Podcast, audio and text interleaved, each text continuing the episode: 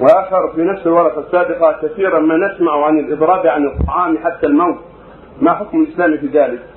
هذا الاضراب ما له أصل. هذا إعانة الاعداء على مقاصدهم الخبيثة هذا النظام ما له أصل. واذا كان يفضي إلى ضرر عليه أو قتل نفسه هو لا يجوز.